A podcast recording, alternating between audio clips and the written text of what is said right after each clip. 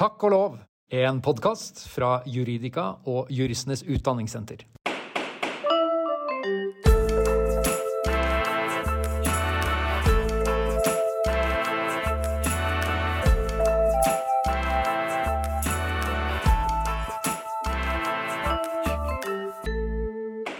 Hei og hjertelig velkommen til nok en episode av Takk og lov, en podkast for deg som lurer på hvordan jussen, og kanskje også juristene, egentlig henger sammen.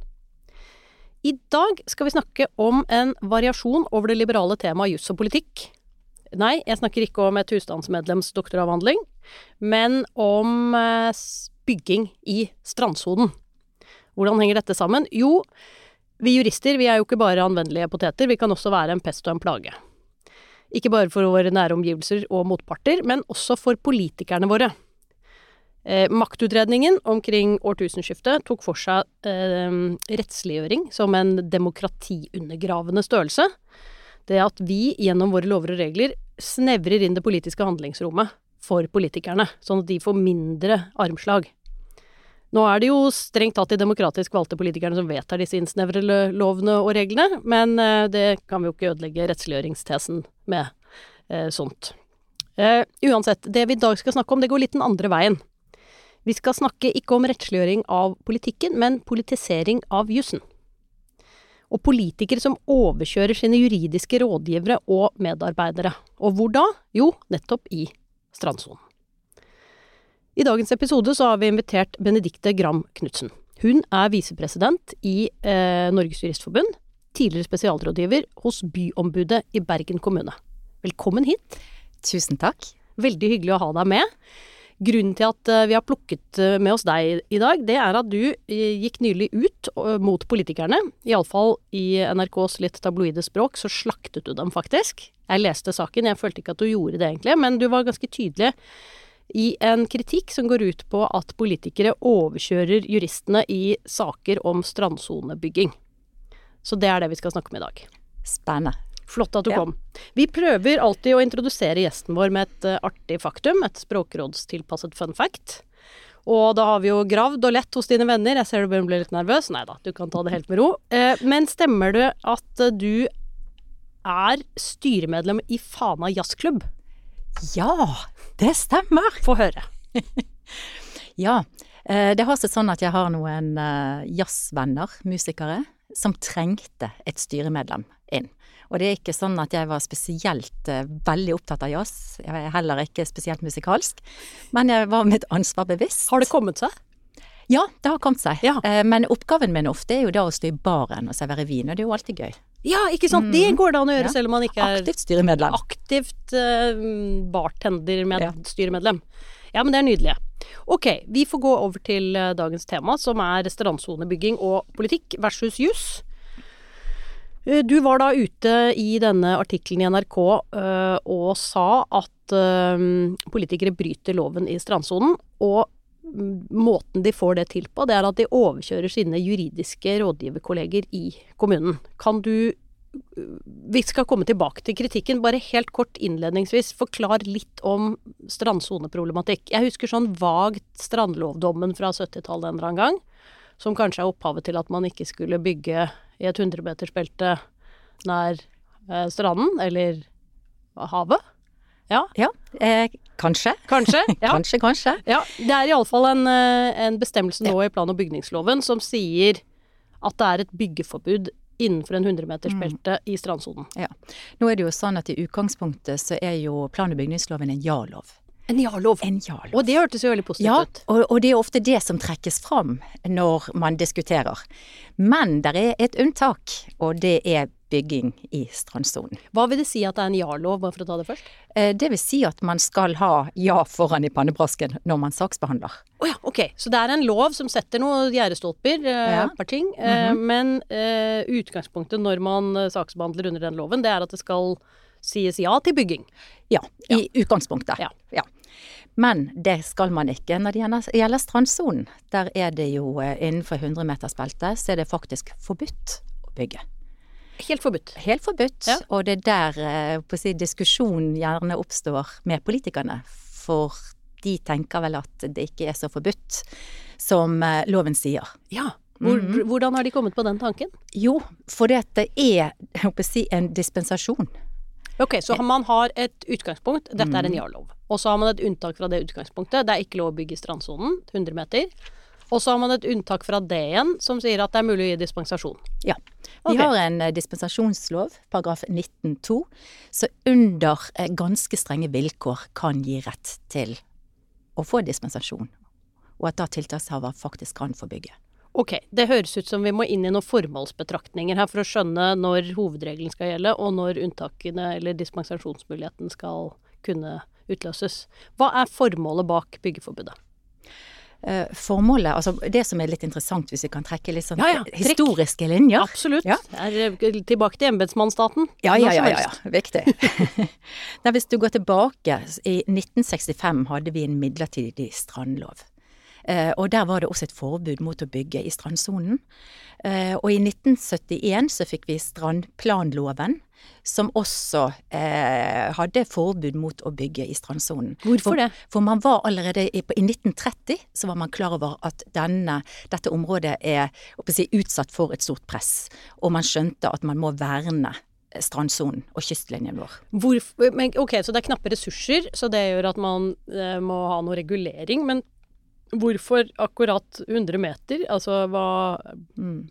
Det, det handler om mange forskjellige ting. Ja. Det er så lett for at man tenker at det bare handler om eh, si, den allmenne interesse og tilgang til sjø, men det gjør jo ikke det. Nei, for det, da er vi inne i kanskje allemannsretten, en variant av den. At det Ja. Skal være mulig å bevege seg langs eh, kystlinjen hele veien, egentlig. Ja, men det handler om mye mer. Det handler om kultur, det handler om miljø, natur, landskap, kystlandskapet vårt og, og eh, dyre- og plantemangfold. Ja. Ja, og egentlig eh, hele preget som kysten vår har, Ja. eller eventuelt får. ja, nettopp. Så et kjempestort kinderegg av gode formål som gjør at Mhm. dette 100-meters byggeforbudet, det er en god idé. Ja. Ja. Og så tenker vi det at uh, i Norge er vi så strenge, men det viser seg at i Sverige og Danmark er man mye strengere. Har de også tilsvarende forbud? Eh, Jeg kan ikke helt eh, si hvilke forbud de har, men Nei. ja, de er mye strengere hva gjelder utbygging i strandsone. Også hvis du, man ser videre, f.eks. i et land som veldig mange reiser til for å eh, komme til sjø og vann, Spania. Mm. Eh, kikker man rundt seg når man er ved kysten i Spania, så har man ikke privatisert kystlinjen. Den Nei. er fri Hvorfor? for alle. Ok, og egentlig kanskje ut fra de samme type tanker, eller? Absolutt. Ja. Ja. Så vi er, det er ikke vi eh, har trukket nisselua godt nedover øynene og Vi er ikke spesielle. Nei, vi er ikke så Nei. spesielle som vi liker å tro. Nei, nei, Heller nei. ikke her. Nei. Nei, nei, ok. Men um, denne dispensasjonsadgangen, da, for det er jo vel det som skaper hele problemet her, nemlig at det er mulig å gjøre unntak fra dette forbudet. Mhm. Hva, hvilke kriterier eh, må være oppfylt for at man kan gjøre sånt Ja. unntak? Eh, Det, det er veldig klart både i loven og i forarbeidene eh, og diverse rundskriv at det er, skal være en streng praksis. Hvor man da Der er vilkår i forhold til om man kan gi dispensasjon eller ikke. Og da har man to strenge vilkår. Man har vesentlighetsvilkåret, som handler om at dispensasjon kan ikke gis dersom hensynet bak loven eller hensynet i lovens formålsbestemmelse blir vesentlig tilsidesatt. Og det, den formålsbestemmelsen, inneholder det omtrent alt det du sa i sted? Ja. Ja. Ja. Ok, så da øh, mm, Vesentlig tilsidesatt, da. Så det er det som er Mhm. problemet. Hvor vesentlig må det være tilsidesatt for at det er oppfylt? Ja. Ja.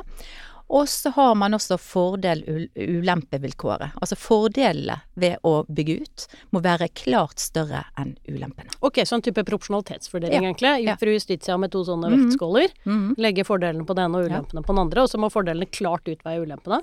Ja. Og det sier seg selv. Jeg, jeg forstår at politikerne kan, kan gå seg vill i dette. Eh, De er ikke nødvendigvis eh, utdannet innenfor eh, plan- og byggesak.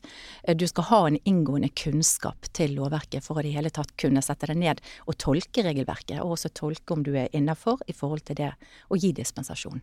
Ja, det er en grunn til at studiet er fem år. Det er ikke fordi vi lærer plan- og bygningsrett hele veien, men det er jo fordi det krever tid å utvikle modenhet i den metoden som vi bruker for å finne frem i dette lovverket. Absolutt. Ja. Og det er en grunn for også det vi ser eh, Juristforbundet har jo gjort en undersøkelse i forhold til jurister i Kommune-Norge. Eh, Det vi ser er jo det at eh, de kommunene som har jurister, de har det som oftest innenfor plan og bygg. For det er et komplisert regelverk. Ja. Mm, og ikke bare det komplisert regelverk, men det er vel kanskje den tjenesten i kommunen som er utsatt for mest stress og press utenifra. Der er store økonomiske interesser. Ja, økonomisk, ja. Ja. Ja. Eh, utbyggere som eh, presser på for å få igjennom sitt tiltak. Og eh, da har jo også kommunene sett seg tjent med at det å ha juridisk kompetanse, der står man kanskje tryggere i beslutningene. Nettopp. Ja, vi har jo jobbet, vi har et eget kommuneprosjekt i Norges institusjon for menneskerettigheter, fordi det har lenge eksistert en slags misforståelse om at eh, menneskerettighetene er statens ansvar. Eh, Det viser seg at det er selvfølgelig også kommunens ansvar. Ja. Eh, Og der trenger man jo av og til også noen jurister for å følge opp det, men vi har vel også registrert at eh, i den grad det er jurister, så er de stort sett ikke der for å passe på menneskerettighetene. Absolutt ikke. Nei. Og vi har et kommuneprosjekt i Juristforbundet også. Ja. Og vi har registrert akkurat det samme. Ja, Ja, juristene, og det er veldig bra, man skal ha jurister på plan og bygg, eh, men man har ikke det på de myke områdene. Nei. Nei. Men på plan og bygg burde jo da alt være i sin skjønneste orden, i og med at man har juristene der. Ja. Eh, nå er det sånn at eh, med dette kommuneprosjektet så har jeg vært så heldig å kunne få reise rundt og treffe medlemmene i Juristforbundet. Mange medlemmer som jobber innenfor dette fagfeltet, altså byggesak og plan. Ja. Eh, det som har vært interessant, er jo det at samtlige, altså små som store steder, forteller om det krysspresset de står i. Og hvor vanskelig arbeidsoppgavene deres blir fordi at de opplever at politikerne ikke tar eh, deres råd og beslutninger på alvor. De blir overprøvd. Nettopp. Ja. Det er jo, dette er jo, Jeg underviser jo i statsrett, og da snakker vi en del om forskjellene på statsmaktene. Og, og det som kjennetegner de to politiske statsmaktene i motsetning til den dømmende, det er jo at eh, de er avhengig av popularitet. Mens den dømmende egentlig skal være eh, i stand til å fatte veldig upopulære beslutninger. Det er vel kanskje litt det krysspresset vi står i her. Politikerne er jo avhengig av gjenvalg.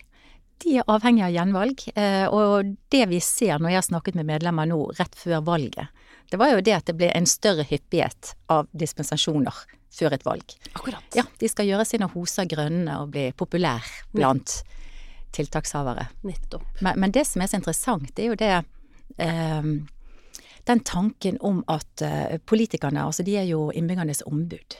Eh, men de er jo ikke bare en tiltakshavers ombud. De er jo også allmennhetens ombud. Ja, men de maser ikke så fælt. Nei, de gjør antageligvis ikke det. for Nei, jeg- dette, nei. Jeg snakket med en kollega, vi tok følge til eh, jobben i dag, og, og hun fortalte mm, om eh, at hun da går turer i strandsonen i Vestfold, eh, som Risikosport. angivelig mener, hun mener er, kan være blant de mer korrupte kommunene i landet. Det skal ikke jeg ha tatt stilling til overhodet, men hvor hun nettopp forteller det at der er det jo en del hytteeiere som eh, enten har satt opp møbler eller andre ting, eller som gjør at det er vanskelig med ferdsel i strandsonen. Og hvor hun lurte på om de på en måte turgåerne skulle være tøffere mot mm. hytteeierne. Men det er jo som hun sier, hun orker jo ikke å ta den konflikten hver dag. Hun er jo ute for å gå tur og ha det hyggelig, ikke for å krangle med naboene sine. Um, og det er vel kanskje litt det du skisserer her, at eh, de dette går utover, de har ikke det samme insentivet til å ta den kampen. Ja, antageligvis, men jeg tror ikke vi tenker på det i vår hverdag heller. Når man ser, for det, det er et narrativ der ute om at politikerne redder eh, tiltakshavere og søkere fra dette her kommunale trollet. Det firkantete regelrytteriet sant, av et eh, av jurister Ja. som ikke vil innbyggerne vel. Det er det vi er. Vi er, Ja. vi er de forhatte byråkratene. Ja, Nettopp. ja, ja. Vi er ikke de greie, Nei. som uh, skjønner at regler eh, er til for å brytes. Finner greie løsninger. Nei, Nei. ikke sant. Det er litt mer pragmatiske. Ja, ja.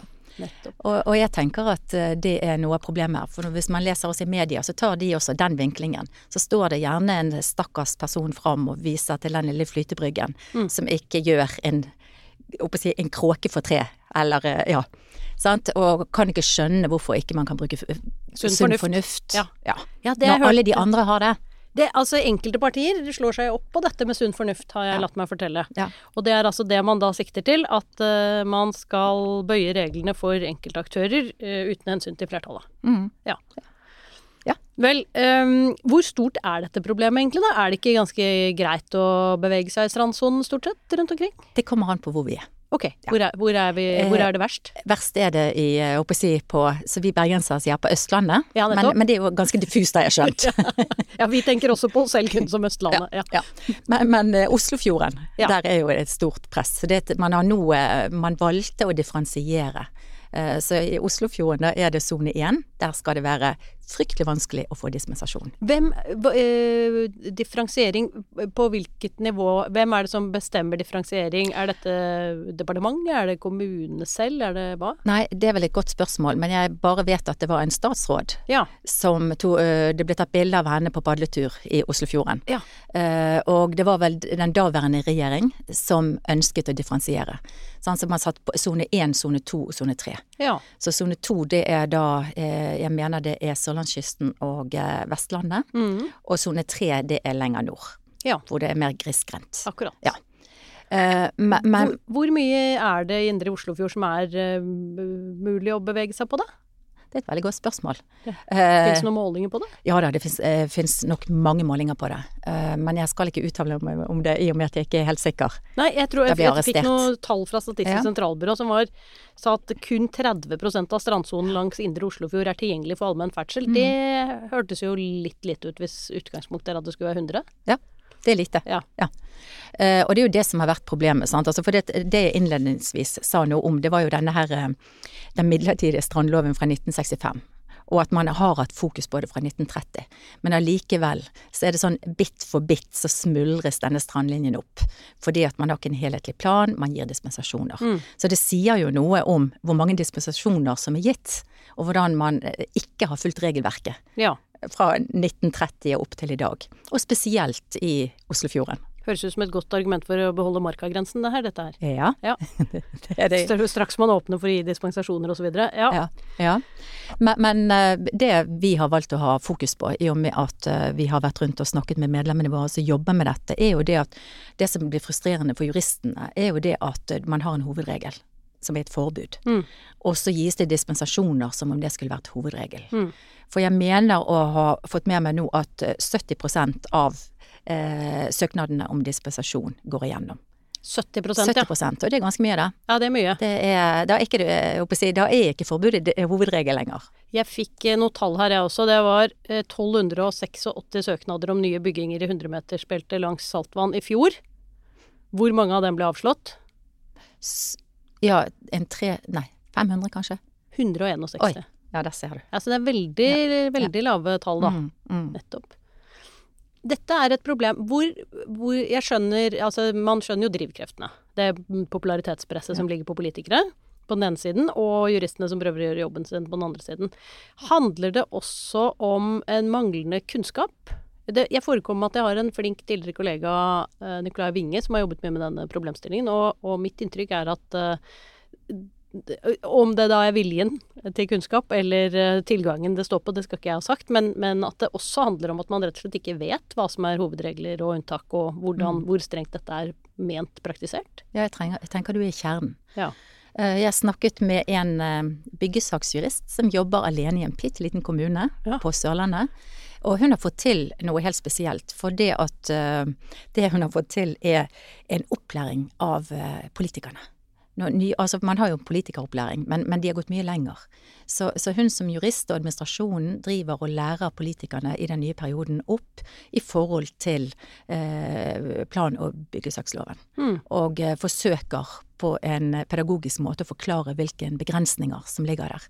For som hun sa, så er det jo det at eh, altså, regelverket er så komplisert at for en vanlig politiker som bare kommer inn og ikke får noe veiledning, er det vanskelig å sette seg inn i. Og som hun også sa, så vil jo politikerne de vil jo framstå med en viss verdighet. Så det å tilkjennegi at ikke du skjønner det, Ja, ja. eh, og at ikke du har eh, At du tror at du kan eh, At det er fritt skjønn som gjelder her. Ja. Sant? Eh, å bli tatt med buksen nede, det, det gjør folk vrang. Det er eh, god psykologisk basiskunnskap, basiskunnskap, tror jeg. Mm, ja, ikke sant? mhm. Spill dem Ja. gode. Spill dem gode. Ja.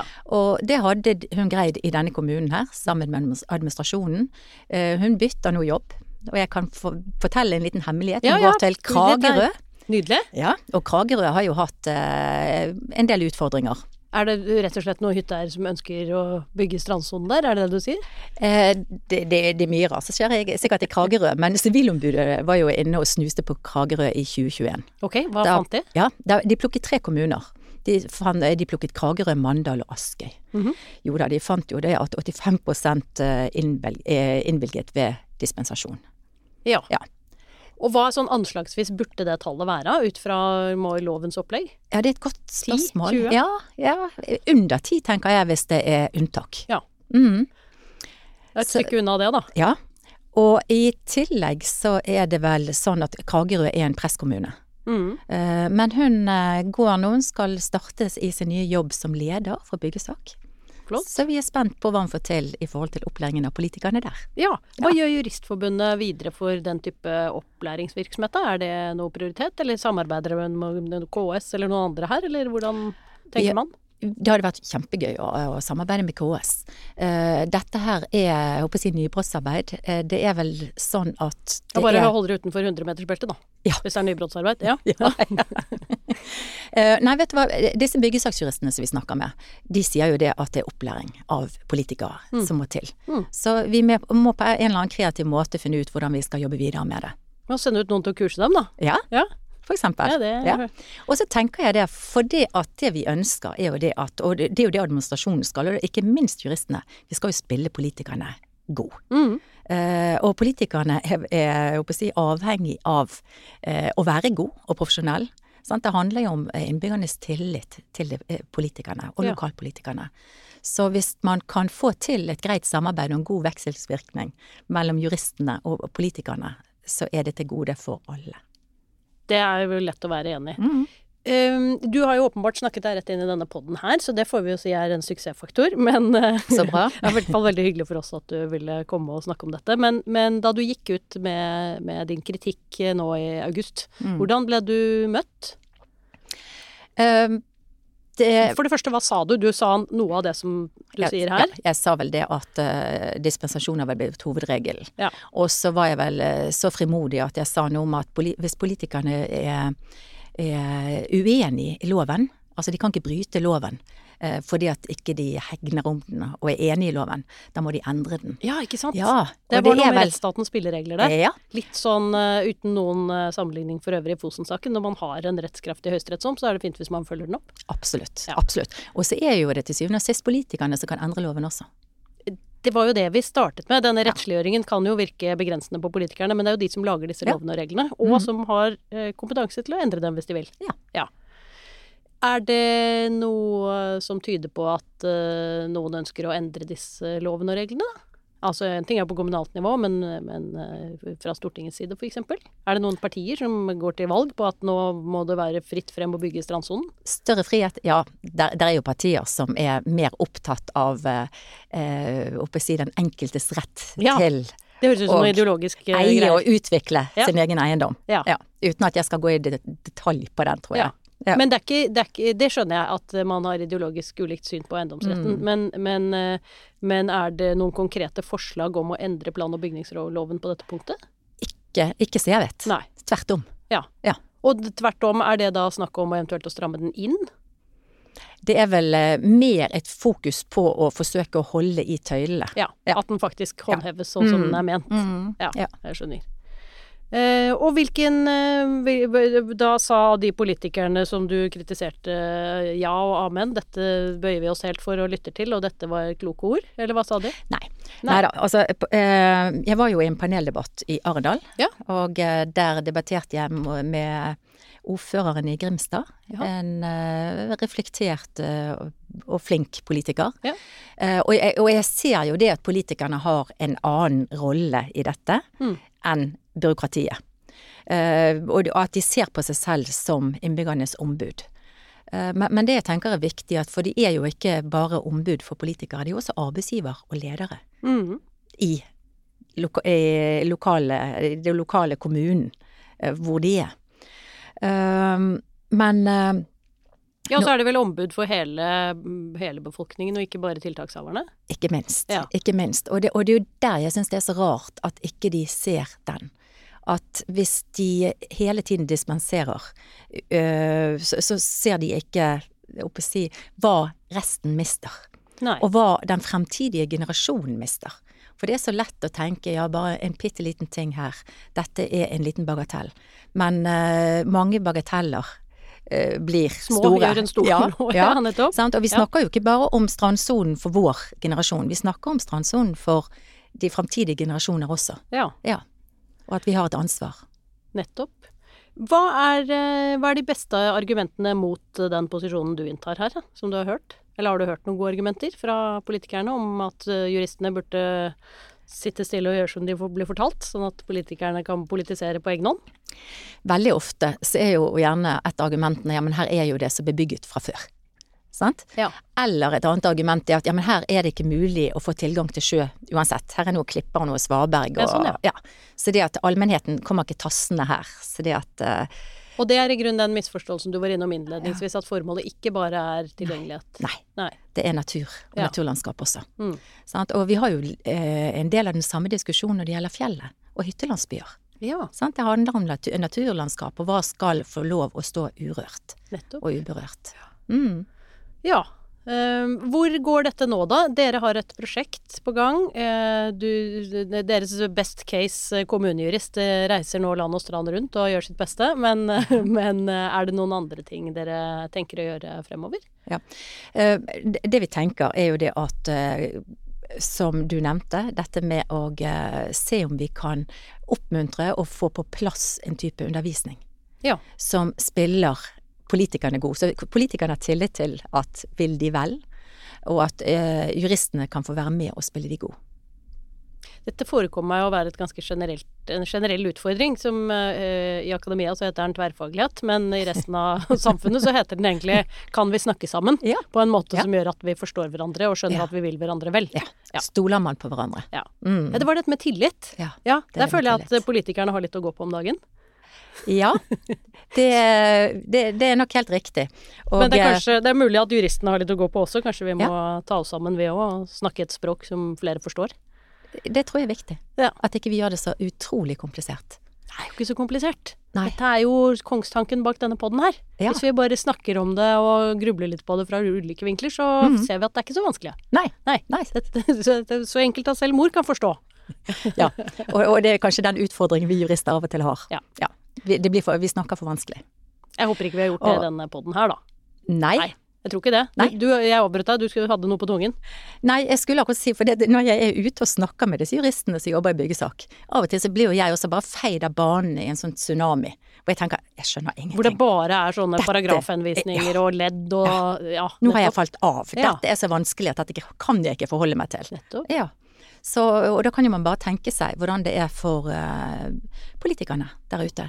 For det er jo ikke bare byggesak de skal forholde seg til. Altså de har jo et ganske stort ansvarsområde de også. Dette er uh, veldig viktig, og, og egentlig noe jeg ofte tenker på når uh, det, driver med formidling. Det er akkurat det at hvis du får lytteren til å føle seg dum, så vil lytteren stort sett ikke høre noe særlig mer på deg. Men omvendt, hvis du snakker sånn at lytteren føler seg klok, så vil de ofte høre litt mer på deg. Så prøv å gjøre det isteden. Det er enkel psykologi. Et godt råd. Ja. Ja. Ikke alltid så lett å oppfylle, Nei. men, men en, rettesnor iallfall. Mm. Vi pleier å invitere gjestene våre til å dele en liten historie med oss sånn på tampen av podden. Er det noe våre lyttere burde ha hørt? Kanskje om byggesaker eller noe annet? Ja, i og med at vi er jeg inviterte invitert inn her eh, med bakgrunn av byggesaker og strandsone, så har jeg en liten historie. Og det var etter denne eh, paneldebatten eh, i Arendal, så ble jeg invitert av NRK Vestfold til å komme og skulle uttale meg om, eh, om dette emnet. Det var der du raste? Ja, Ja, det var der jeg raste. eller slaktet, slaktet var det du gjorde. Ja, ja, ja. ja. Og så tenkte jeg at oi sann, nå, eh, i og med at dette er komplisert regelverk, tenkte jeg jeg må ha en oppbacking. Jeg må ringe til en, en leder, en juristleder, byggesaksavdeling i et pressområde. Så da ringte jeg til en jurist i et pressområde eh, for å få litt oppbacking, få litt eh, eh, kunnskap rundt emnet. Men hun var så opprørt akkurat da. Fordi at Kommunaldepartementet hadde akkurat snappet en sak fra Kra- Kragerø Det var en tiltakshaver som hadde søkt om å få bygge to ganske store eh, flytebrygger. Når man snapper en sak, hva er det Dette blir Ja. flyttet fra kommunalt nivå opp til Ja, departementalt? Jeg skal, Hvordan er det? jeg skal fortelle Ja, hvordan ja, den ble snappet, for Ja. jeg lurte også på hvordan i all verden endet, den der. Ja. Eh, nei, det som skjedde var jo det at i Kragerø så hadde politikerne uh, gitt dispensasjon.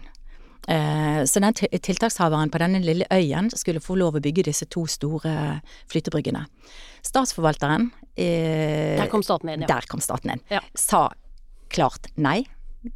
Det går ikke. Dette vilkårene er ikke oppfylt.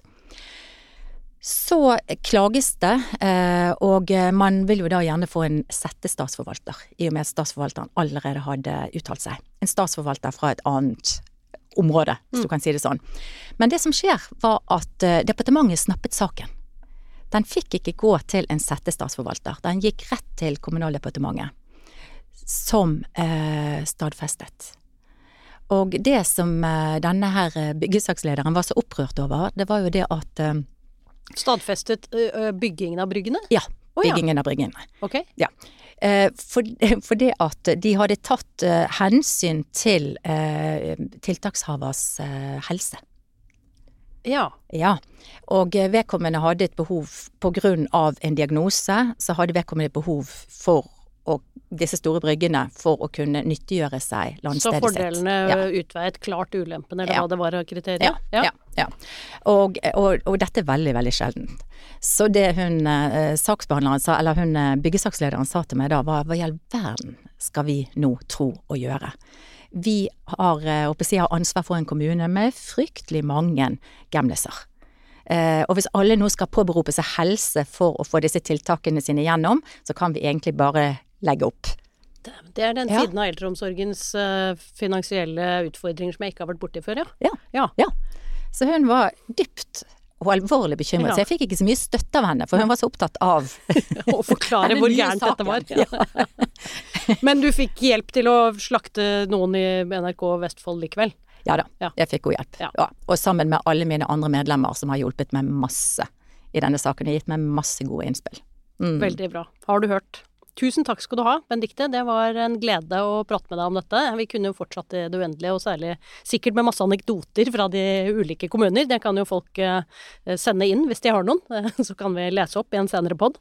Det hadde vært eh, Jeg vil anta at det er en del underholdende ting, både fra juristmunn og fra politikermunn i disse spørsmålene. Det tror jeg nok. Fra, Både fra den ene siden og den andre siden. Helt sikkert. Tusen takk for at jeg fikk komme. Veldig hyggelig å ha deg her. Og tusen takk også til dere lyttere som har vært med oss gjennom nok en episode av Takk og lov. Vi høres igjen i neste uke.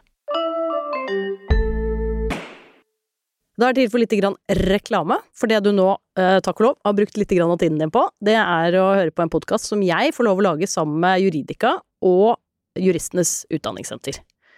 Med oss på laget så har jo vi noen av de klokeste hodene i jussens verden, og de hjelper deg med å holde deg faglig oppdatert til enhver tid, og takk og lov for dem!